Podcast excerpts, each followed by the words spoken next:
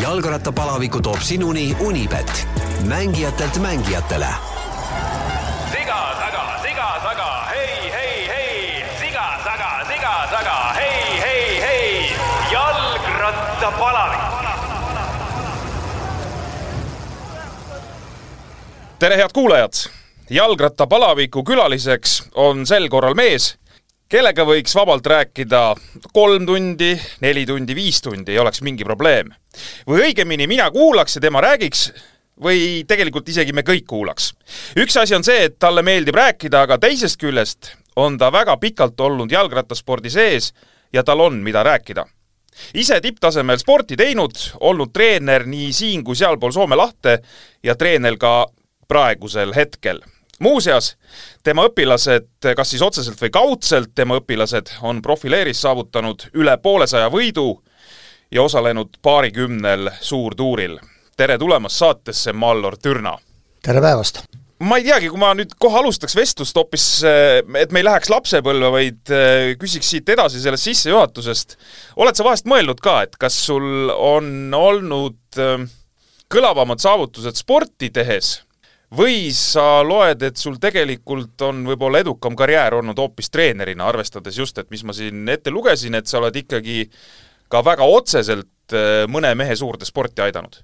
ega siin kindlat äh, valemit ja vastust ei ole, aga, aga mul on selline, selline käibefraas, et me kõik oleme oma aja kangelased. kui ma tegin sporti, siis ma tegin seda jah, päris pikalt ja tõsiselt ja kui ma olen treeneri töö peale jõudsin, siis on siinsama ja eks ei pea silmi maha lööma, mõlemal pool on, on tulemused. sa oled äh, treeneritööd teinud ka Soomes, nii nagu ma ütlesin, äh, see oli siis, kui Eesti Vabariik taasloodi, eks? jaa, see oli just selle ülemineku aastatel, et mul paar aastat õnnestus veel äh, raskel rubla ajal seal toimetada ja, ja, ja siis ka, kui Eesti Vabariik tuli. ja seal sa siis oled ka tegelikult ühe mehe Kjell Kaaström tahaks mina öelda, aga Rene Mandri mind parandas siin ükskord, ütles, et Tšell peaks ütlema või, või ta ise ütleb Tšell.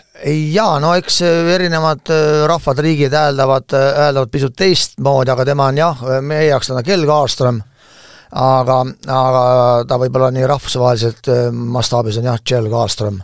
et ühesõnaga, tema oli ka tegelikult ju mingil perioodil ikkagi võiks öelda noh, Soome esinumber profiratturina vaatan, et on peaaegu et kümnel suurtuuril näiteks siin sõitnud ja, ja aastaid ikkagi tippkonkurentsis, nüüd juhatab vägesid eh, juba mitmendat aastat Iisraeli eh, pro-tuuri meeskonnas, selle mehe sa võtsid kunagi ette päris poisikesena? jaa, see oli noh, see oli just selline leid, nagu, nagu küll siin Eesti meestestki võib võrdlusi tuua kõrvale, et seal ei olnud mitte ükski näitaja, et sellest tuleb sportlane see oli niisugune tore Soome perekonna poiss, kelle isa oli pastor ja pühapäeval käidi pühapäevakoolis ja söödi saiakesi, niisugune hea, hea tontsakas, pontsakas ja, ja aga aga noh, ega see ei maksa, ei maksa ühtegi eh, last alahinnata, eh, see on küsimus lihtsalt, kuna ta avaneb.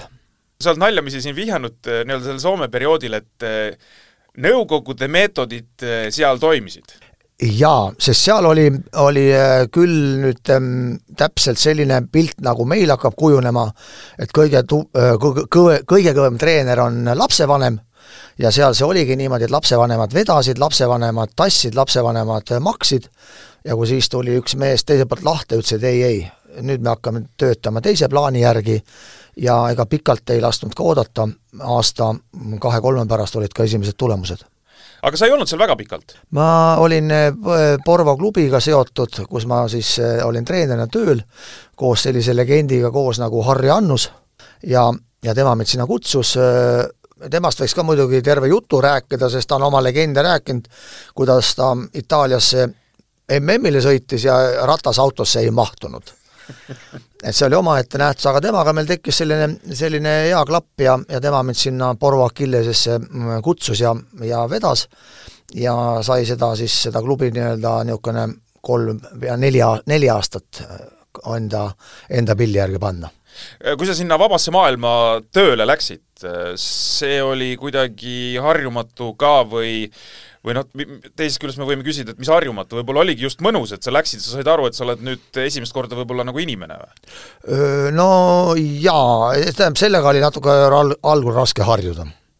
sest äh, üks fakt oli see, et kõik oli saada, kõik oli palju värvilisem ja, ja eestlane nagu ikka, üks tubli eestlane oskab ju kohe soome keelt ja kui lähed poodi ja küsid sealt endale paki piima ja valad hommikul selle piima kohvi peale, siis tuleb välja, et see on hapupiim.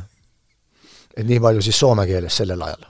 aga sa ei osanud soome keelt, kui sa sinna läksid? ei, ei, ei, ei, Tartus ei olnud neid mm -hmm. Soome televisiooni ega midagi, ma olen Tartust pärit ja ja see sõprusside tekkis äh, minu initsiatiivil läbi, läbi äh, rattaklubi, kus ma siis äh, töötasin, see oli mm, nüüd uue nimega Jõgeva Tsentrum, siis Lille, Lillevere nimeline spordikool ja sealt sai siis kirjutatud üks ports kirju Soomemaale ja ja nemad olid äh, kahest-kolmest üks, kes vastasid ja me vaatasime, kuna see oli meile nagu geograafiliselt kõige lähemal ja mõistlik ja siis nendega saigi selline klubidevaheline diil tehtud ja millest siis aastaid hiljem kujunes juba see, et ma vahetasin nii-öelda pooli ja olin nende treener. Okei okay,, me jõuame selle treeneri asja juurde kindlasti tagasi jutuajamise käigus, aga sa juba mainisid, et sa oled Tartu mees või Tartu poiss no täis Tartu poiss, Toomemäel sündinud ja kahekümne kolmanda eluaastani elanud Tartus ja siis elukäikudega üle Jõgeva jõudnud Põltsamaale ja Põltsamaalt Tallinnasse. rattatreeningule tuhat üheksasada seitsekümmend üks? jaa. no Sa... selle alguse kohta on mul alati, mitte alati, aga kujunenud ka selline, selline äh, ütlus, et kui mina esimest korda rattaklubist uksest sisse astusin, siis seisid seal kaks arka, arkjalga üks nendest oli Andrus Ansip ja teine oli Riho Suun.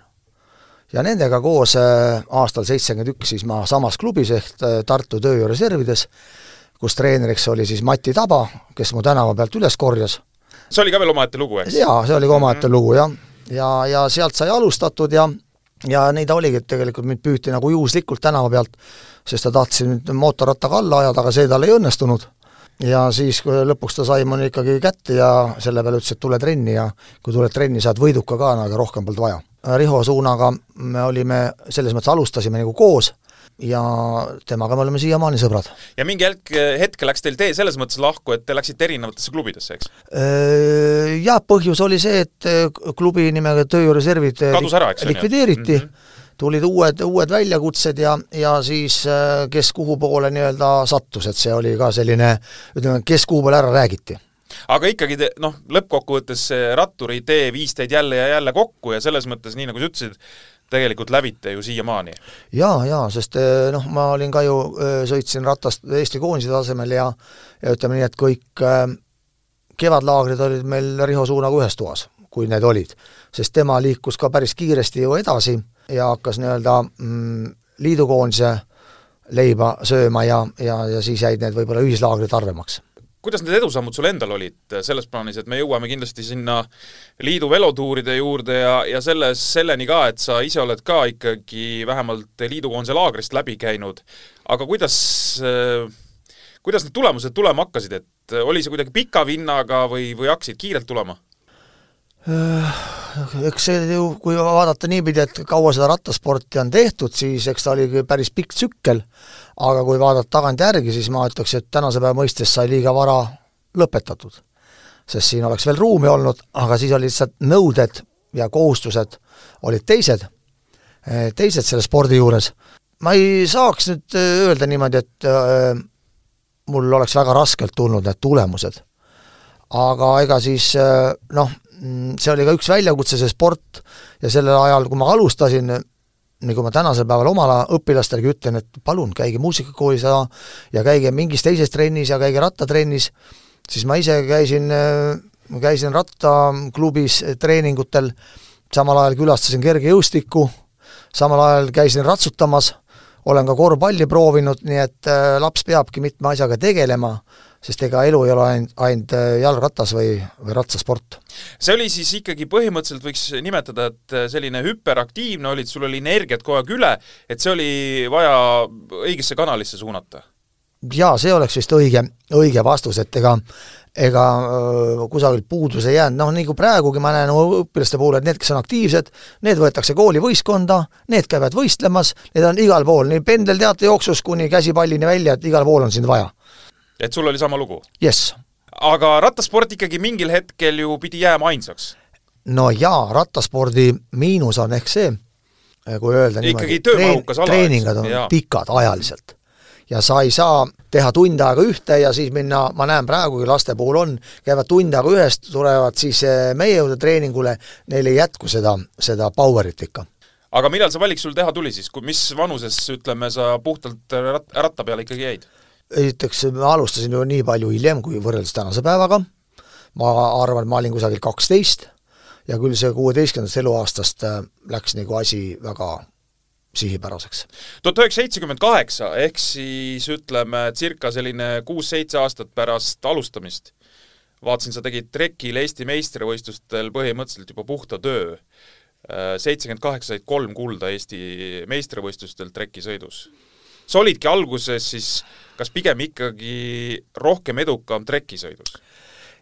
jaa, võib, võib küll nii öelda, et kui vaadata tulemuste mm, skaalata statistikat, siis jaa, enamus äh, Eesti meistrimedaleid on saadud treki peal, ega ma nüüd ei saa öelda, et ma siis, äh, oli väga valikuvõimalus, ehk mina, kuna ma sattusin Kalevisse, siis Kalevi liin oli nagu rohkem treki peale suunatud ja eks sa lähed ikkagi oma, oma klubi liiniga kaasa et ma arvan ise, et kui ma oleks äh, läinud äh, Dünamo klubisse, nii nagu läks Riho Suur? jah, et äh, ma ei usu, et seal ma oleks vähem edukas olnud, aga muidugi seal distsipliine on oluliselt vähem, kui trekil võisid neid korjata ühe suvega neli-viis medalit, siis maantee peal üle kolme ei saanud mitte kuidagi.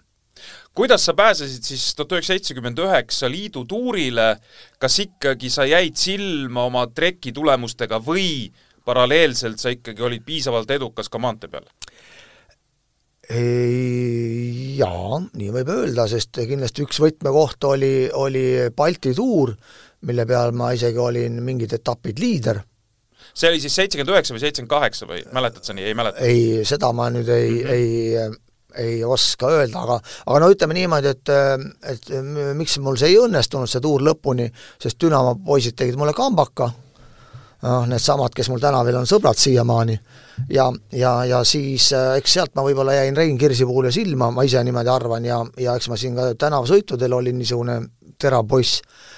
ja, ja eks need olid võib-olla kohad, kohad, kus jäid treenerile silma ja ja sealt võeti nagu, nagu kaasa. sind paelus ka selline asi, et ütleme, saada Eesti koondisega NSV Liidu meistrivõistlustele mitmepäevasõidus, liidutuurile, tundus see kuidagi ahvatlev või pigem just vastupidi, et ei tea, kas äkki see on ikkagi liiga karm? ei, nii ei osanud mõelda. mina võin küll oma seisukohalt öelda, et pigem need motivatsioonid olid sellel ajal kaks näitajat. üks näitaja oli see, et, et sai välismaale. aga millal sa said esimest korda välismaale? ma arvan, et see oli seitsekümmend üheksa ja see oli Soome. kõva sõna, eks? jah, et siis Kalevil olid, kuna ma kuulusin Kalevi mm, meeskonda, Kalevil olid oma suhted Soome, Soome spordiliiduga ja, ja seal käidi, ja teine muidugi kindel selline selle aja poiste kõva niisugune motivaator oli Nõukogude armee. nüüd võin öelda, et see läks ikkagi lepase reega. Ja, ja siin eks jälle, nagu enne oli juttu, et on see õnn või on see mingi sihipärane, eks see oli natukene õnne, sest äh, sõjaväkke ma sõitsin rongiga, ma arvan, kolm päeva, võib-olla isegi neli, aga tore oli seda äh, selles mõttes, et samas vagunis ja samas kupees sõitis minuga sinna ka Allar Tõnissaar. ja lõppkokkuvõttes me teenisimegi temaga ühes väeosas, ühes roodus, meie teenistus oli küll väeosa näitajana suhteliselt tagasihoidlik, sest nelja kuu pärast me olime Moskvas ja, ja kodus tagasi ja saime oma sporti edasi teha aga noh, niisugused näitajad seal olid, sest tema küll ei pidanud sinna sattuma ja mina ei teadnud üldse, kuhu ma pean sattuma, aga, aga ütleme, see oli loterii allegrii ja kõik algul, mis räägiti, ei pidanud paika ja see, aga igal juhul meil läks kergelt ja sõjavägi on nüüd läinud. kuule, aga kus, kuhu sa sõitsid siis neli või kolm päeva, ööpäeva? no meie teenisime, see ei olnud Vladivostok, ärge nüüd nii arvake, see oli natuke lähemal, me teenisime Tšeljabinski taga metsas.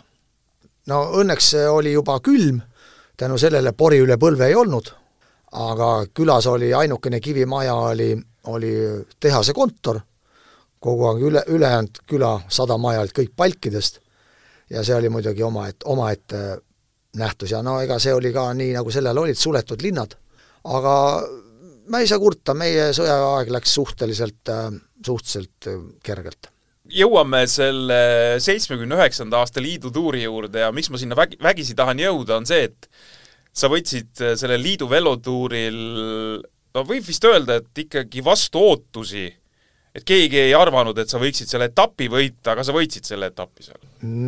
No see on lõppfaas jah, ega keegi ei arvanudki, et ma eest ära sõidan. Aga noh, kasutame jälle vanasõna, ütleme julge hundi rind on rasvane ja eks asjaolud äh, sobisid ja ja ma ei olnud mägedes äh, viimane oma oskuste ja osavuse poolest.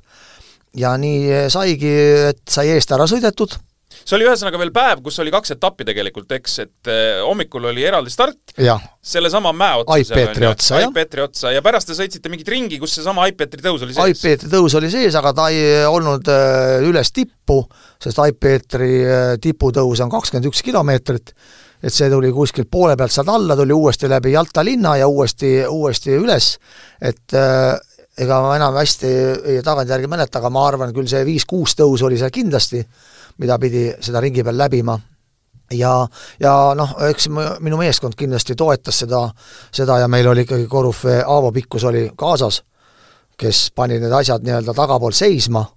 Ja nagu Rein Kirsipuu ütles, et noh, kui me mäest alla sõitsime, siis mul oli kõige suurem paanika, et grupp sõidab üheksakümnega, et sina üksi nii kiiresti ei lähe, et nad lihtsalt neelavad su ära aga, aga neela, ei jõudnud nad mind neelata ja, ja muidugi oli uhke, uhke siis nii-öelda finišeerida võitjana. kas Aavo Pikkus oli toona nii-öelda sinuga ühes võistkonnas või ta sõitis kuidagi, ma ei tea, Dünamo koondisest või ikka ei, Aavo sõitis eh, minu mälu järgi Eestis, Eesti koondise all mhm. ja läks veel niimoodi, et ta oli samal etapil kolmas. nii et kaks eestlast poodiumil yes.. oli toona üldse mingi poodium? oli, oli. oli, oli, oli, siis ikka, siis jagati kristalli ja see oli see aeg. said kristallvaasi? jah alles siiani? siiani alles. on nii, jah? absoluutselt. kui sa nüüd eh, see seitsekümmend üheksa ikkagi tegid eh, selles mõttes, sa panid märgi maha seal liidu velotuuril ja sind kutsuti pärast seda ka liidukoondise laagrisse, mis iganes, palju seal mehi oli, vahet ei ole, see oli kindlasti üsna lai seltskond, ma kujutan ette, mingisugune, me oleme rääkinud sellel teemal äkki mingi nelikümmend meest. ja, ja, ja, ja, ja kevadlaager oli, jah. jah, et kas eh, kuidagi julgesid siis sellel hetkel unistada, et ei tea, äkki ma kunagi saan nii kõvaks meheks ka, et saan kusagile tiitlivõistlustele või, või lausa olümpiamängudele? ega nüüd küll ei meenu, meenu selles mõttes tagantjärgi, et ma nii oleks mõelnud, sest seal oli ikkagi ähm, ütleme, seal oli ellujäämine oli iga päev. ega seal ei olnud see küsimus, et täna on kerge treening, vaid seal oli kogu aeg andmine ja need, kes äh, vastu ei pidanud, ei olnudki midagi hullu, sellepärast et järgmised nelikümmend ju ootas ja eks see, eks see liidukoondise teema oligi nii, sest maa oli ikkagi suur ja kaks suurt mm, nii-öelda liini oli, üks oli siis armee spordiklubi ja teine oli Dünamo spordiklubi. Ja kõik ülejäänud, kes sinna vahele üritasid, noh, mõnel läks ka õnneks, eh, minul nii kaugele ei läinud ja, ja ega ma nüüd sellepärast nukker küll ei ole. Armee spordiklubi tegi te tegelikult sulle ju ettepaneku liituda ka nendega? jaa, nad tegid ettepaneku ja ja, ja lausa tulla nende juurde ja, ja kui ma nüüd õigesti mäletan, lausa minna Poola elama, aga minu jaoks oli see mm, sellel hetkel natuke vastuvõtmatu, et ma ise nagu tõrkusin ja eks ma nägin ka, nägin, vaata inimene on selline loom, kes leiab ikka selle kergema variandi. ja mul oli ikkagi Eesti koondise uks oli avatud ja, ja siin sai omas keeles rääkida ja oma inimestega ja selles mõttes ma tegin selle otsuse see liidukoondise laagri kogemus, mis see siis lõppkokkuvõttes oli? no sa ütlesid, et noh, nii-öelda iga päev ellujäämine ja nii edasi, aga aga oli see siis kuidagi ka noh, ma ei tea, ütleme lõpuks eriliselt vastumeelne või? ei, no eks ta oli kõik uus ta oli kõik uus eh, ja kuna ma olin mm, nooruses käinud eh, vene lasteaias, siis minul nagu keeleprobleemi ei olnud, et ma sain kõik oma asjad räägitud, eh, räägitud, aga, aga seal oli ikkagi mm, keelan, käsen, poon ja lasen süsteem, et äh, ma nüüd ei ütleks, et kellegi arvamust sportlaste puhul ei, ei arvestatud või ei kuulata, aga kas selle peale ka reageeriti, eks seal oli natukene, öeldi kellaaeg, öeldi distants, sõitsid, oli kontrollvõistlus, näitasid ja sealt läksid asjad edasi. Eesti koondises oli teisiti või ei olnud? No oli küll, ikka, aga noh, siin oli nagu äh, esiteks juba mm, keele küsimus oli teine ja ja, ja eks, eks kogu see asi, no ütleme, eesti meel ja eesti, eesti keel, et siin ei olnudki muud rääkida. käisid sa liidutuuril hiljem äh, veel või oli see ainus kord või? Olin küll veel korra valmidus, aga treeningutel saadud vigastus aa, sul oli, auto sõitis liiga lähedalt mööda või? jaa, vastu tulev veoauto sõitis nii lähedalt mööda, et lõikas selle käe sõrmesarna pealt maha või lahti ja see pani nagu selle, selle piirid peale, et tõenäoliselt oleks ma olnud siis ka tuurimees. kui seitsekümmend üheksa oli, siis olid kahekümne aastane, kui sa selle etapi võitsid? jaa, arvutus näitab jah. kaua sa veel, mis, mis aastal sa lõpetasid? Vist olin ma kakskümmend kolm. kakskümmend kolm, jah? jah tegelikult ja, ja, ütleme, tänasel päeval äh, alles kujunev sõidumees. jaa, just, just, et see hakkas nagu, õige liha hakkas luude peale kasvama. ja, ja eks, eks oskused ja, ja, ja tarkused tulid ka alles siis, sest algul me oleme kõik tegijad, aga ega me ei oska vaadata, mis tuleb ülehomme. et see, see, see on ikka kogemuste pealt, seda päris koolis ei õpi ja, ja ma mõtlesin, ainukene, ainukene koht, kus oleks tahtnud veel, kui tagantjärgi öelda ja muidugi, millest võin ka nüüd ruttu öelda, millest ma tunnen puudust, eh, kahjuks jäi ülikool käimata. praegu ma näen, et see koolitarkus, see on tegelikult vajalik. aga noh, toona mõtlesid teistmoodi? toona ma mõtlesin teistmoodi ja jälle niisugune, tekkis selline äh, kuidas ma ütlen, heaolu hetk, kuna ma täitsin trekil sõites suurmeistri normi, siis see võrdsustati kõrgkooli palliga, palka said täpselt sama palju ja inimene on ju laisk ju ja siis jäi see ülikooli asi, asi katki ja aga noh, nüüd tagantjärgi olen ma ikka oma, oma õpilastele öelnud, et kui ikka võimalus on kooli minna, siis tulebki minna. sest sport on teie elus heal juhul kümme aastat, võib-olla viisteist, aga siis on vaja elama ka hakata. ja kõigist ei tule maailmameistrid. kas tol ajal me räägime siis äh, kaheksakümnendatest, äh, kui sa rattasõidu maha jätsid.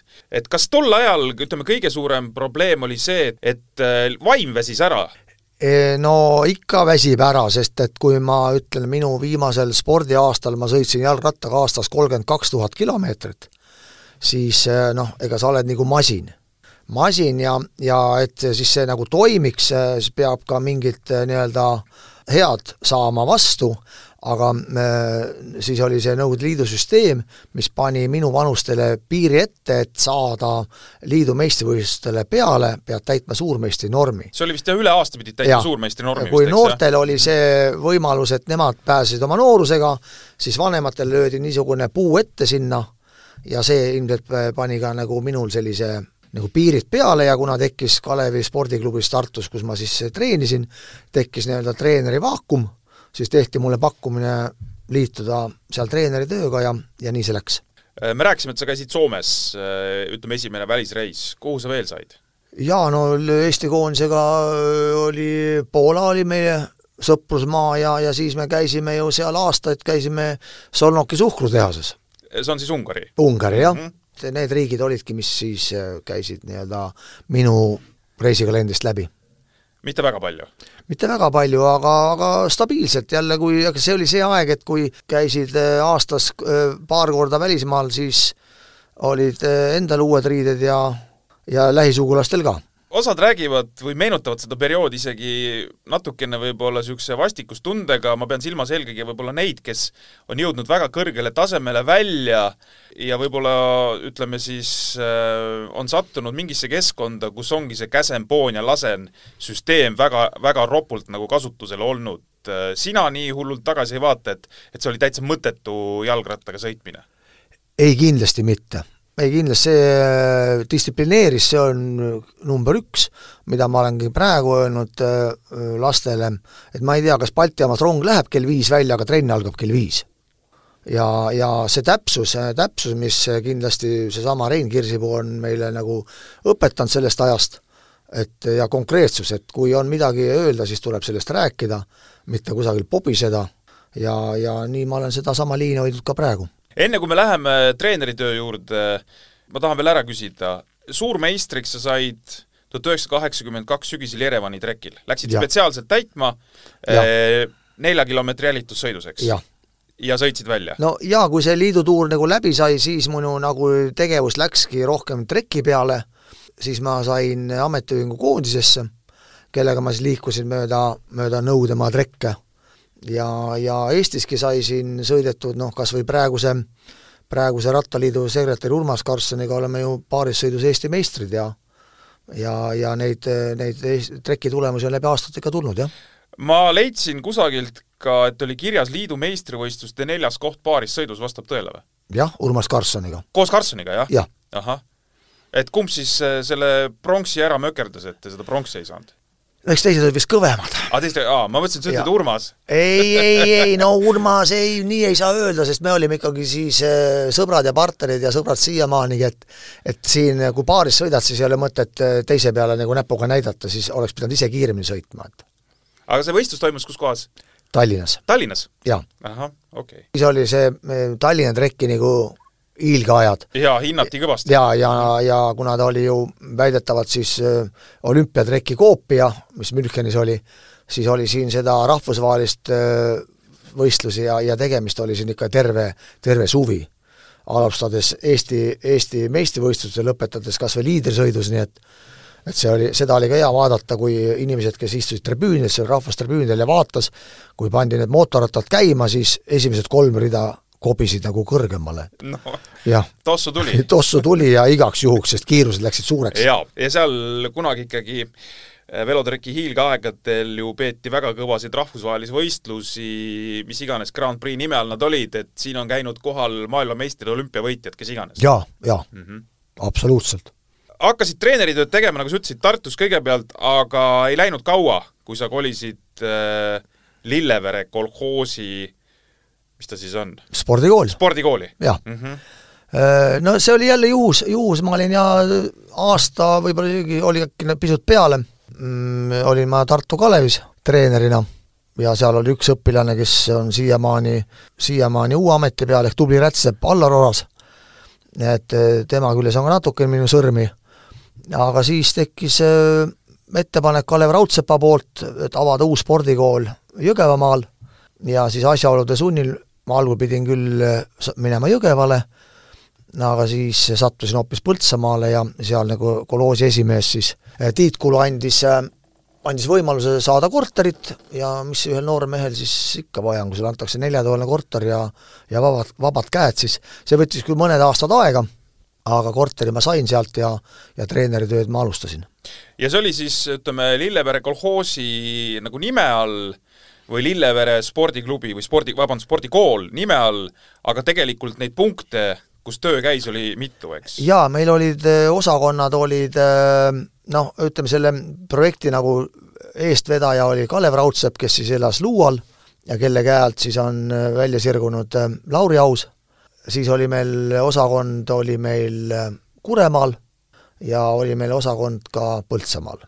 et see oli selline natuke, nagu ma naljaga ütlen, brigaadimeetod, aga see töötas hästi, hästi, et kui võistlustele minek oli, siis äh, buss hakkas hommikul kella kuue ajal sõitma kõik külad läbi, kui olid lapsed kokku ja ja see, see nelikümmend last äh, korraga ühest klubist starti viia ei olnud küsimus.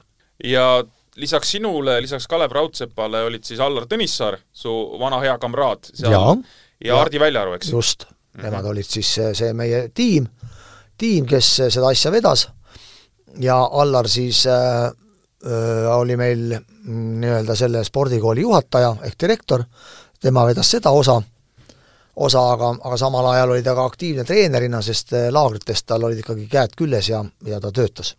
ja see on siis periood, kus sellest samast äh, Lillevere spordikoolist tulid välja, nii nagu sa mainisid, Lauri Aus, siis lisame sinna Andrus Auk, äh, Erkki Pütsepp, Janek Tombak, sellised nimed. kindlasti võib seda rivi veel. jaa, jaa, kui peaks äh, tõsiselt, kes said öelda äh, profilepingu, praegu võin ka tõrkuda, mälu tõrgub kohe nime ütlemast, aga neid oli seitse-kaheksa sportlast, kes tulid nii-öelda meie käe alt välja no seal oli ju veel, lihtsalt kui ma praegu noh, meenutan niimoodi kiirelt, Mati Värv oli kindlasti üks mees veel, kes äh, tuli, ütleme, treki peale sealt, jaa, Mati on sealt äh, pärit, aga Matil ei olnud, tema ei jõudnud profilepinguni. ei, jaa, jaa, aga ma mõtlen, no kes ütleme, siin Eesti tasemel ikkagi silma jäi. absoluutselt. sa, ja kelle, keda me Toivo veel Reino Toivo Reinov on, on... Ne-, Neemelad, Mä-, Mägi vennad, eks? jaa, vennad Mäed, seal oli, oli neid ja ja neid äh, tegelasi sealt tuli, seal oli süsteem, mille ma hiljem võtsin ka kaasa sinna Soome ja, ja süsteemselt äh, tahes-tahtmata tuleb nagu põhimõte on, et mida laiem on püramiidi jalg, seda kõrgem on tipp, ja eks meil oli see valikuvõimalus seal suur. no kui sa rääkisid seda lugu, et äh, tegelikult Mati Taba sind äh, noh, kunagi ütleme, naaskli püüdis linna vahel kinni, siis kas Põltsamaal juhtus sul omal siis samasugune lugu, sa püüdsid Janek Tombaku kinni või see nii päris ei käinud? No mina teda nüüd mootorrattaga taga ei ajanud äh,, erinevalt Matist, ta oli selline Tegelinski, kes, kes oli kooli mustas nimekirjas. Ja kuna ma suhtlesin seal kehalise kasvatuse õpetajatega, siis sealt tuli selline, selline nii-öelda vihje Margus Ääremaalt, kes siiamaani siis Põltsamaal veab asju, mm, ja siis tänu tema, tema nii-öelda utsitamisele sai see Janek võetud äh, treeningutesse ja noh, äh, tööloom oli ta kõva, ei saa midagi öelda, et ja seal oli ka lihtsalt küsimus, et äh, kuhu selle, selle lapse energia panna. ja me leidsime sellele lahenduse aga vaata, nende naaskritega on ka see mure, et okei okay,, neil on hästi palju energiat, sa üritad seda suunata, aga see ei pruugi alati õnnestuda, et kas ta üldse tuleb treeningule, mis see, ütleme, see moosipirukas siis oli, et, et sa või, või vastupidi, mitte moosipirukas, või ütleme, karm käsi siis või? No pigem see teine jah, sest see oli see aeg, kui väga ei moositud see moosisport on praegu jõudnud meieni. et äh, siis oli asi, asi konkreetne ja eks see võib-olla oligi, oligi see põhjus, et võib-olla seal Janekul jäi võib-olla sellisest kõvast mehe häälest jäi kodus puudus ja, ja sai ta nii-öelda võetud kampa ja talle see sobis. ja eks siis hakkasid ka tulemused tulema ja kui sa saad juba mingi tulemuse ka, siis tekib endal huvi, huvi ja sa näed, et kui sa treenid, siis sa oled ka tubli. see Lillevere edukas äh, spordikool, see kadus ära siis, kui Eesti Vabariik tuli? no ta kadus ära nii, nagu kõik seal sport... olid, seal olid ju Moskva rahad taga, eks? Eh, no kuivõrd nüüd Moskva, aga eks see, eks seesama äh, jaa, eks seal oli riigi rahad, ütleme siis ja, niimoodi, ja. -hmm. ja küll see ka Lillevere koloos äh, aitas oma, oma protsessidega kaasa. aga siis reorganiseeriti nagu paljud asjad ja vahetati nime ja siis saigi välja mõeldud äh, talle nimi, Tsentrum kuna ta astus Eesti keskel.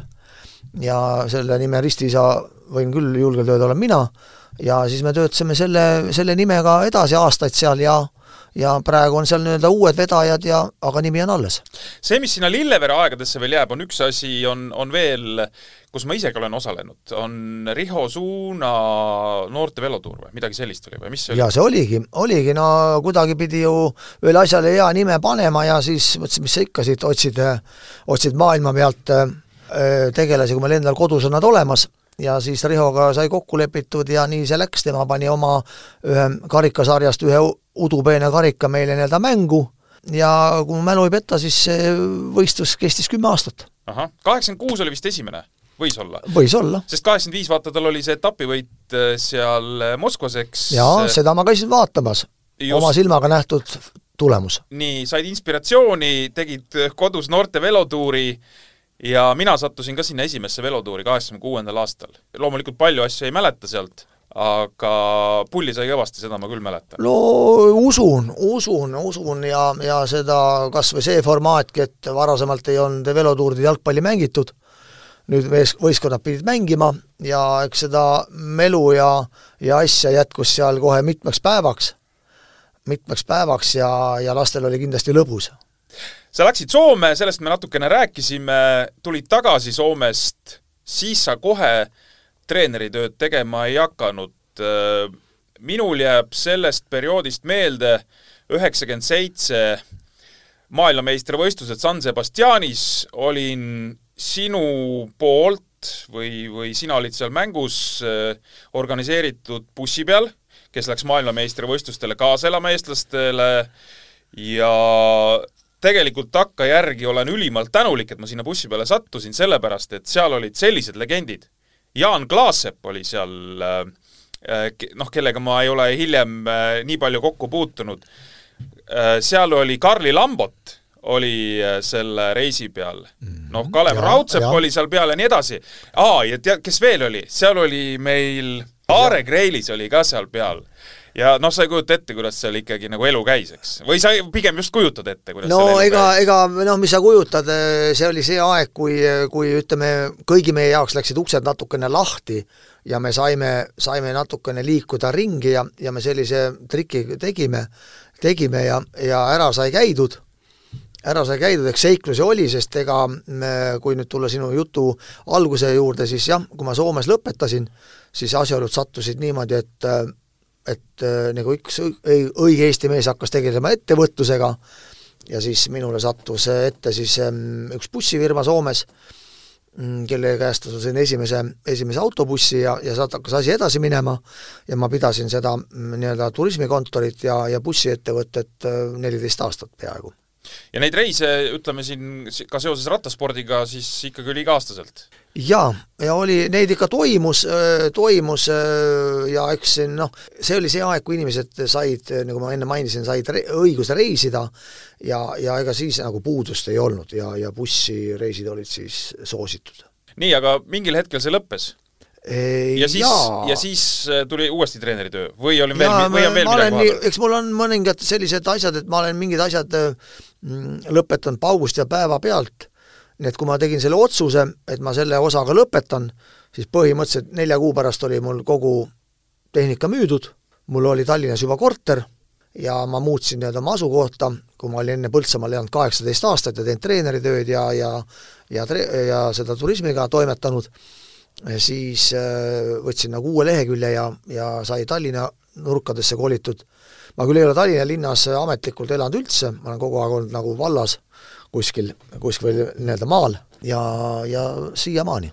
CFC spordiklubi ja Kalevi jalgrattakool, palju see, kui see periood nüüd kokku arvata, kui pikk see periood nüüd juba on olnud? Äh, ma olin CFC spordiklubis, olin äkki kuus aastat. alates kaks tuhat üheksa, eks siis, jah? midagi taolist, ja on ju?, ja, ja nüüd on, äkki jookseb siin Kalevi rattakoolis juba kaheksa või? ehk siis ütleme jälle see neliteist jah. mm. -hmm. Ikkagi tõmbab kuidagi see rattavärk ja, ja see treeneritöö?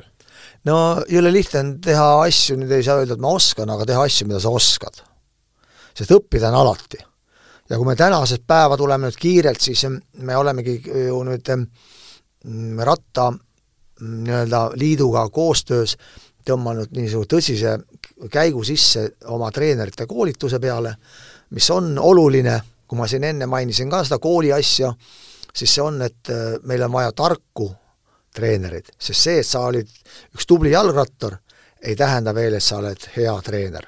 sest siin on asju, mis on tänasel päeval vaja ringi hinnata, elu on läinud natuke teist laadi, aga see ei tähenda, et treenereid vaja ei ole ja tarku treenereid kuidas äh, selle tänapäeva noorusega siis on, kui siin vahest on külaliseks sattunud ka sellised, kuidas ma ütlen siis, pikema kogemusega, treeneri kogemusega mehed, et äh, kui erinev see maailm siis on, ütleme, võtta seesama Lillevere periood ja võtta tänane periood?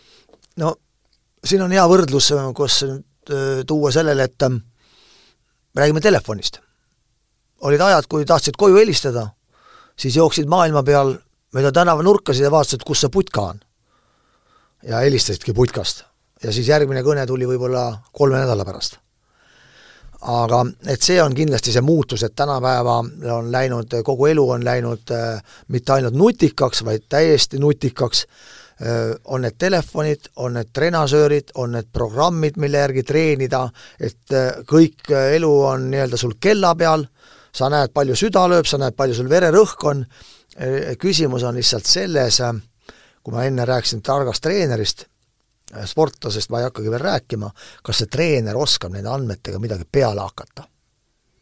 et sul on küll, sa võid näha neid vatte ja neid asju ja me, me oma sellel viimasel koolituselgi sai treeneritega rääkides, siis ma ütlesin ka noortele, et kuulge, et ärge hakake oma vatti juttu rääkima katsuge enne lapse pulss ette saada, sest ei oska nende vattidega midagi peale hakata, sul ei ole sellist statistilist lehte, sest sa oled laisk, aga selle pulsiga saad sa va-, ehedalt ja vahetult selle pildi. Kui varakult või, või ütleme, kui hilja tuleks hakata kõiki neid andmeid nii-öelda targalt kasutama, et kuhu võiks teha lihtsalt fun'i pärast sporti, kuhu maani? no ütleme niimoodi, noh, kui praeguse seisuga Rattaliit on pannud teiba selle koha peale, kus on vanus kuusteist, et allpool Eesti meistrivõistlusi ei ole, siis see on üks märk. Ja kui treeneritega siin kohtudes tuli, tuli jutuks, et oi-oi, et lastel on nii palju võistlusi, siis ma esitasin nendele samale treenerigrupile siis küsimuse, et missugune number on palju et võtke asja statistiliselt. kui te vaatate statistiliselt, siis kaheteist- ja neljateistaastastel lastel ei ole palju võistlusi. kui sa ei käi ja ei ürita, kui see lapsevanem ei käi ja ei ürita kõik kõpu-kapa tuurid läbi sõita. Kui me räägime neid võistlusi, mida äh, plaanib treener, ja, ja, äh, ja lased seda treeneril teha, siis see laps ei saa kindlasti spordis palju. ja, ja noh, see on võib-olla see aeg, see kaksteist, neliteist või iga, kus võiks, võiks ja peaks juba hakkama pidama treeningpäevikut, tegema märkmeid. ikkagi nii vara juba? No jaa, sest ega nad algul ju ei täida. Algul nad tegid ühesõnaga, et hakata lihtsalt harjumust yes. natukenegi sisse minu nagu, minu nagu selline eesmärk või nägemus on see, et et seda last e, hakata täna kasvatama, et ta oskaks kaheksateistaastaselt Prantsusmaal üksi hakkama saada ja siis ta oskab vaadata seda pulsikella, ta oskab vaadata vatte, tal on asjad kirjas, kui tal on halb päev, ta joonistabki sinna hapu näo ja, ja niimoodi see on, ma isegi olen oma vanu treeningpäevikuid lugenud ja seal on päris lõbus. Jaa, et no kõige tähtsam võib-olla ongi need emotsioonid kirja saaks, et et noh, ikka on ja paremaid ma, päevi ja halvemaid päevi. jaa, ju just mainisin, et kirjutanud, sest et väga palju on ju asi läinud elektroonilise, sa lööd sinna selle numbri, aga see, see emotsioon, seda ei kajastu et see nagu iseendale, iseendale ja sa õpetad nagu iseennast ja treeneritel on ka päris lõbus vahel lugeda, aga nüüd on, peame küll tõdema, et need kirjutatud päevikud järjest vähem on, on saadaval. Kuule, mis, mis eestlase juures läheb nii hästi kokku jalgrattasõiduga, et meil kogu aeg ikka tuleb neid andekaid äh, noori, et vahest isegi mõtled, et et huvitav, noh, isegi ju võiks nagu eeldada, et võib-olla neid ei peaks nii tihedalt tulema, aga, aga ausalt öelda kuidagi tahaks öelda, et see jalgrattasõit spordi mõttes justkui sobib nagu eestlasele. No jah, kui, no kui vaadata statistikat, siis eh, sobib, aga, aga kui kui rääkida nagu naljaga, et kui öeldakse, et et kõige parem söök on teine eestlane, aga ega me ju ei tea, palju lätlane lätlast sööb ja kui me vaatame statistiliselt, siis ega, ega meie lähinaabritki ei ole ju tulemustes täitsa nullid. Aga eks see on ikkagi see, mis on meiepoolne selline pluss võrreldes siin Skandinaavia maadega, meil on ikkagi see, veel need treenerid, kes töötavad selle, selle põhimõtte pealt, et, et see grupp annab selle toodangu, et need üksiküritajad on pisut keeruliku, keerulisemas situatsioonis, sest jalgrattasport ei ole sooloala eri, sa vaatad küll, et see laps sõidab rattaga, tal oma ratas ja oma sõit, aga kui me vaatame neid sama tuure, tuure või vaatame ka ühepäevasõite, kui sul ikka meeskonda taga ei ole, siis on väga keeruline olla pjedestaalil no samas on ka natuke vastupidi, ma olen sinuga jutuga täiesti nõus, aga samas on niimoodi, et kui liider piisavalt heal tasemel ei ole, siis see abistav meeskond võib olla maru kõva, aga tulemust ei tule. no ikka tiim, tiim peab olema jaa, ega siis, äh, ega sealt jah, ega sa tühja kotti ikka ette välja ei vea, see on selge, selge ja kui tulla meie, meie meeste, meeste peale äh, välja, välja siis vaadates äh, meie noori, kes on siin nüüd nii-öelda ilma teinud, no ja kui vaadata natukene tagasi nende, nende treeningprotsesse, siis nad on tegelikult silma hakanud juba kaheteist-neljateist-aastaselt ma just tahtsingi oma järgmise küsimusega sinna jõuda, et oled sa vahest noh, kui treeneri töös olnud sellise no fakti ees või sellises seisus, et sa tõesti mõtled täitsa lõpp, mida see noor, noor poiss või tüdruk suudab, et selline potentsiaal. et sa saad aru mingil hetkel, et täitsa uskumatu, et sealt võib tulla mida iganes.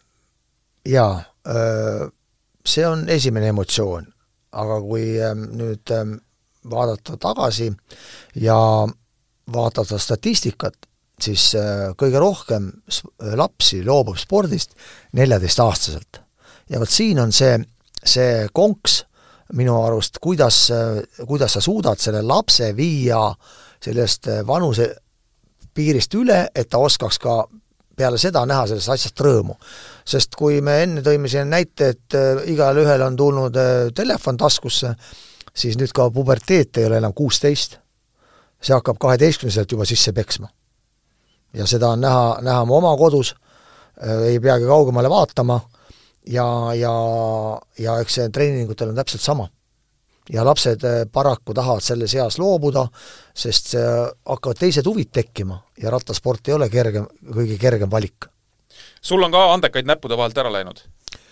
ikka on, ikka on ähm... kuigi lõpuks me ei tea, kas ta on nii andekas, kui me arvame? no vähemalt ütleme, potentsiaali on olnud, potentsiaali on olnud ja ja olid siin mul kaksikud tüdrukud, Ebe ja Ele, ähm, kes ühel hetkel loobusid Äh, samal ajal, kui ma nägin kõrvalt, et nad on just selles tõusulaine peal, et seal oli vaja nagu hiilepunkt peale panna, ja, ja eks ta, mis on ka aastad õpetanud, et tegelikult äh, ei saa nagu ühte õpilasse kogu olemusega sisse minna, sest see on äh, liiga valus, kui ta läheb ära. aga noh, reeglina, nagu sa ütlesid, reeglina rattasõidus on grupid jaa, jaa, aga no ikka, ikka grupist tulevad välja liidrid ja me ikkagi vaatamata sellele, et me oleme, meie spordiklubi ehk Kalevi jalgrattakool on olnud äh, aastaid edukas, äh, me tänasel päeval ei, ei kasuta sellist sloganit, et et siit tulevad maailmameistrid, vaid lapsed liikuma, see on number üks, ja kui kellelgi me näeme, et on potentsiaali, siis me aitame seda kaasa. aga me ei ehita tänasel päeval lastele enam seda eesmärki, et teist peavad tulema kindlasti Eesti meistrid te peate kindlasti liikuma, tegema sporti. kuidas tänasel päeval, ütleme, selline tervikpilt äh, Eesti jalgrattaspordis sinu arust on, et äh, on see, on see hea või või on kõvasti arenguruumi, no noh, alati võib öelda, et niikaua, kui Eestis äh, velo, korralikku velotrekki ei ole, siis me ei saa öelda, et kõik on hästi. no see viimane on kahetsusväärne. kahetsusväärne, sest me võiks sellega olla maailmapildis ja lugupeetud sportlased ja härrased käiksid kindlasti siin sügistalvel sõitmas, nii et kui vaatad mujale, mis tehakse, siis on ja see kindlasti tänasel päeval ei tehtaks seda ainult äh, trekina, seal käib sõu sõu otsa ja seal oleks, oleks äh, võimalusi, aga, aga kui tulla nüüd nende sportlaste juurde tagasi, siis äh, nagu ma enne mainisin, et see neliteist on selline, selline võtmekoht võtmekoht ja aga enne seda peabki olema see treenerite armukus seda hoida ja kui rääkida rattaspordist Eesti pealt laiali, nagu sa küsisid, või laiemalt, siis eh, ei saa eitada fakti, et selline tekitirimine käib. kõik tirivad oma poole. ma olen püüdnud seda nüüd lammutada, eh, kui siin ma olen teistega rääkinud, mõni on hakanud umbes, et mulle ütlema, et oh mis, ma ütlesin, tead, ma olen selles asjas olnud nii kaua ja nii vana, et ma ei pea nagu siin muretsema oma imidži pärast, et kui ma kellelegi tõe välja kuulutan, aga ma olen nüüd, äh, nagu mainisin ka ennist, selle võtnud selle äh, nii-öelda selle treenerite koolituse kuidagi südameasjaks ja, ja mitte ainult treenerite, vaid ka lastekoolituse, et me oleme viinud ka oma taseme sellele, et et me eelmine aasta suutsime ühislaagri üle Eesti korraldada äh, Jalgrattaliidu egiidi all, mida ma tahan sellel aastal uuesti teha, just nimelt, et need väiksed klubid saaksid ka endale laagrikogemust, saaksid ka grupiga sõita, needsama lapsi saab õpetada nendele reegleid, need treenerid käivad samal ajal sealsamas laagris koolitusel, et meil, meil tuleksid äh, aasta kolme-nelja pärast targad lapsed ja targad treenerid. Kas tänasel päeval on, äh, ütleme, suur murekoht ka see, et kui sa ise sporti tegid ja, ja ma usun ka seal äh, Lillevere aegadel, siis laagris käidi noh, nädalate kaupa, kui mitte kuude kaupa ja sai tõesti teha ikka sellist vundamenti alla, et küll ja veel. tänasel päeval see kõik käib reeglina lapsevanemate rahakoti peal ja need laagrid ongi võib-olla, ma ei tea, maksimaalselt nädalapikkused, sa võid mind parandada. ma lihtsalt ütleme teiste spordialade näitel nagu näen mm, -hmm. et äh, rohkem väga ei kannata teha, sest need summad lähevad liiga suureks, et kas see on tänasel päeval probleem, et tegelikult seda treeningtööd mingil hetkel oleks vaja nii-öelda järjest rohkem teha, kui need laagrid võimaldavad? Jaa, me oleme ka siin taktikat muutnud, hakkame oma klubist peale, et ähm, tõesti enam kahenädalased laagrid ei suudeta teha, et siis pead vist tõesti minema kusagile saare metsa ja elama telgis, nii nagu kunagi sai ka tehtud, aga ilmselt tänasel päeval lapsevanem oleks samal õhtul tagasi, sest laps ju undab, undab ja tahab koju saada aga selle peale on väga lihtne meetod, soovitan ka teistel treeneritel, kohe nii kui kohale jõuate, konfiskeerige telefonid. Ja mure on murtud aga see selleks, et see on küll jah, see raha pa-, paraku elukallidus pitsitab ka siin, majutusasutused mm, ja ka toitlustajad ikkagi näpistavad selle euro viis juurde sulle ja, ja kui me saadame, enne saimegi nädalased laagrid teha, siis me oleme läinud mingi viiepäevasesse tsüklisesse, et sellega oleme nagu toimetanud. aga on see probleem, on see probleem, et ütleme, ei saa pikemalt teha või sa näed, et tegelikult ei ole väga hullu? No eks ta ikkagi on, kui ma enne mainisin, et me püüame ka väikestest kohtadest äh, võtta lapsi ja, ja me küll üritame ka nii-öelda hankida ka mm, erinevates fondides sinna raha, et seda toetada ja kui see õnnestub, siis me saamegi nii teha, aga see raha paneb piirid ette. kas see laager maksab sada viiskümmend eurot või kakssada viiskümmend eurot, ehm, siis on see, on see ikkagi probleem nii paljudelegi. kui oluline on see, et äh, Eesti rattaspordis äh, oleks olemas noh, silmapaistvad äh, sportlased, kes sõidavad välismaal, kes on eurospordi pildis, kes on tiitlivõistlustel, teevad tulemusi, et äh, nendele, kes sul sinu juures seal ütleme, käivad, võib-olla need nooremad, et kui oluline on, on nende jaoks see, et meil oleks omad suured sporditähed tänasel päeval? ma no, just siin pean silmas eelkõige ikkagi rattasporti. jaa, jaa, jaa eks äh, liidrid, liidrid hakkavad ikka silma, nendest räägitakse ja kui tänasel päeval on see, äh, selleks sa ei pea tellima Postimeest, et saada uudiseid, et see jookseb sul, suriseb taskus ja lapsed omavahel suhtlevad selles vallas päris tihedalt, mitte ainult rahvusvaheliste heade tulemuste puhul, vaid ka Eesti tulemuste puhul, ja ikka kuuled jälle, et no näe, ma nägin seda, ma nägin seda, et kas sa nägid seda ja seda, et noh, et see on see motivaator nende see on kindlasti mm -hmm. motivaator, kelle järgi joonduda, ega siis me, me ise ka endale riideid välja ei mõtle ju. me ei ole need inimesed, aga me joondume nende järgi, kuidas teised riietuvad ja mis on moes. et eks ta niimoodi ongi ja eks rattaspordiski, kui kui siin äh, kordan nüüd iseennast, et koolitusel mm, äh, tegi hea ettekande meil Rene Mandri, kes tõi, tõi näiteid äh, rattariiete osas, uued riided, aerodünaamilised, kiiremad rehvid ja nii edasi, näitajad ja kui me jõudsime tegelikult kogu selle virvarriga sinnamaale, et ega siis inimene ei ole läinud selle, selle kahekümne aastaga, kas või sinagi, oluliselt paremaks aga tehnika on läinud, ehk me oleme võitnud, võitnud eh, teadlikult aerodünaamikaga ja, ja materjalidega, mille pealt on tehtud kõva samm edasi, edasi, sest meil ei ole mitte, inimesed oleks nüüd üleöö hakanud ei tea mis endast. kui me hakkame siin jutu otsa kokku tõmbama, no sina kui palju näinud treener, ütleme noh, üldse võib-olla ka erinevates aspektides seda rattasporti näinud, et äh, on, on sul veel mingi asi, mida sa tahaks nagu kogeda selles plaanis, et äh, ma ei tea, õpilastega midagi, Eesti rattaspordis näha midagi, mida sa veel ei ole näinud või on selline mingisugune noh, visioon sul, et äh, vot selle tahaks veel ära näha? mitte, et sa peaksid nüüd kuskile ära kaduma ja, ja kõik mingil hetkel läbi saab, aga, aga põhimõtteliselt, et et vaat, kui see asi nüüd juhtuks, et see oleks väga äge Eesti rattaspordi jaoks või su enda jaoks jaa, eks see rattaspordis on aastaid olnud ja, ja kui vaadata, et mis siin siis maailmas muutunud on, ega siin muud ei ole, ainult kiirus. kiirus, kiirus, ei muud. aga, aga mis tahaks teha ja mille peale ma olen ka juba nii-öelda pannud käed juba külge, külge vähemalt ma käivitan selle protsessi, see on just see, see mõte, et needsamad noored, kellest meil juttu oli, et nende puhul organiseerida selliseid mitte ainult võistlusi vaid just nimelt ühislaagrit, et need äh, lapsed saaksid selle võimaluse juba noorest üksteisega suhelda, nad saaksid kvaliteetsete treenerite all esimesed äh, sõnad, mitte et see tema, oma kodutreener oleks kuidagi rumal, aga ei ole mõtet kõik ise välja mõelda, mõni asi on vaja maha kirjutada. Ja see on kindlasti see kogemuste vahetamine, kui me vahetame, eks seesama näide, kas me vahetame omavahel ära õunad või, või ideed, et seal on see põhimõte ja, ja ma arvan küll, et, et see on, see on koht, kus ma tahan veel tõsiselt kaasa lüüa, et me sealt näeme, et needsamad äh, Jukud ja Mannid, kes täna on kümme-kaksteist, on äh, nelja-viie aasta pärast Eesti koondise ukse taga. täiskasvanuid sa ise juhendada ei taha?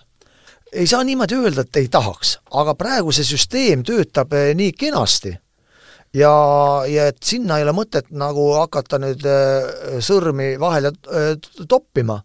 Muidugi, Rene Mandi läks nüüd ära ja seal tekib ka kindlasti mingid vaakumid ja ümberpaigutused, aga meil tulevad noored treenerid peale ja ega see, ega see koondise juures meie võime vaadata, et oi-oi, et läks MM-ile ja ja näed, on Pariis-Nitsal ja see ei ole turismireis ja see nõuab ikka kohustusi. Ja kui mina, ma olen praegu, pean ikkagi meie, oma klubis ka seda keskmist osa tõsiselt, et kui ma siin lähen ära, siis tekib siin kohe selline töövaakum, vaakum ja, ja ma nagu praegu ei ole küll ma nagu selle peale enda eesmärke seadnud, aga selliseid vahepõikeid, mis on jälle üks selline koolituse teema, et tegelikult neid uusi treenereid ja võib-olla ka mõni vana kas või preemiaks tuleks võib-olla kuhugi natuke kaasa võtta, et anda see motivaator, motivaator, et ta ei jääks sinna oma, oma künka otsa istuma, vaid näeks ka, mis läheb, kuidas lähevad asjad edasi, sest ta toob sellesama sõnumi koju, ta hakkab sedasama oma klubis seda arendama ja ta näeb, mis see asi on, sest ega, ega siis kõike, kõike nüüd ajalehes ka ei loe. ja päris lõpetuseks ütleme, kui entusiasmi jagub, noori on, kas äh, raha ka on piisavalt, et et, et sporti teha, noh, üks asi on see, mis sa ütlesid, et tegelikult võib-olla see laiem eesmärk noh, peakski olema, et tuleks see liikumise armastus või harjumus, aga kui tipptasemel tahaks teha, kas meil finantsi ka selleks jätkub? no otsene vastuseks, et eh, kindlasti mitte piisavalt. aga, aga tubli töö on ju teinud tegelikult ju Rattaliidu president äh, Raivo Rand kes on äh, pannud äh, tõsiselt õla alla nii oma ettevõtluse läbi kui ka, kui ka oma, oma tuttavate sõprusringkondade pealt, et et praegu ta on ikkagi täiesti hingestatult juures, aga ma saan ka aru, et ega see nii äh, heas mõttes nii-öelda Eesti koondisega see oskab laristada ka. et küll seal kulud on, on ja, ja olemas ja päris suured aga mina ei loe üldse mitte nende raha, kui on ka tulemused, eks siis on, peab ka kulutama, sest ega muidu ei ole see, ei ole ka võimalik tulemusi saada. Ja sama on ka noorte puhul, me peame ikkagi arvestama, et mingid kulud siia kaasnevad, sest see hea laev, et ilma rahata tänasel päeval enam ei tööta. Aitäh, Mallar, et sa tulid, ma ütlen, et tegelikult siin äh, neid rattaasju võiks äh, lahata küll ja veel. tänan kutsumast, ma päris lõbus oli ja ütleme nii, et küll juttu jätkuks. küll ja, juttu jätkuks. ja, ja eks siin on eh, mõned asjad saad võib-olla hingelt eh, ära öelda ja ongi hea, et see lähebki nagu lahti ja see ongi võib-olla meie treenerite, ütleme lõpetuseks selline või inimeste natukene selline puudus, et me püüame neid asju jätta kuidagi enda sisse ja ainult selle, selle paha välja pritsida. kiida sõpra, kiida lapsi, kiida iseennast. absoluutselt, aitäh kõigile, kes kuulasid, see oli siis meil veebruarikuu teine saade ja sellises rütmis me edasi ka läheme, et igas kuus kaks saadet, nii et järgmine episood ootab teid ees märtsis, kõike head! siga taga, siga taga, hei, hei, hei, siga taga, siga taga, hei, hei, hei, jalgrattapalavik. jalgrattapalaviku tõi sinuni Unibet, mängijatelt mängijatele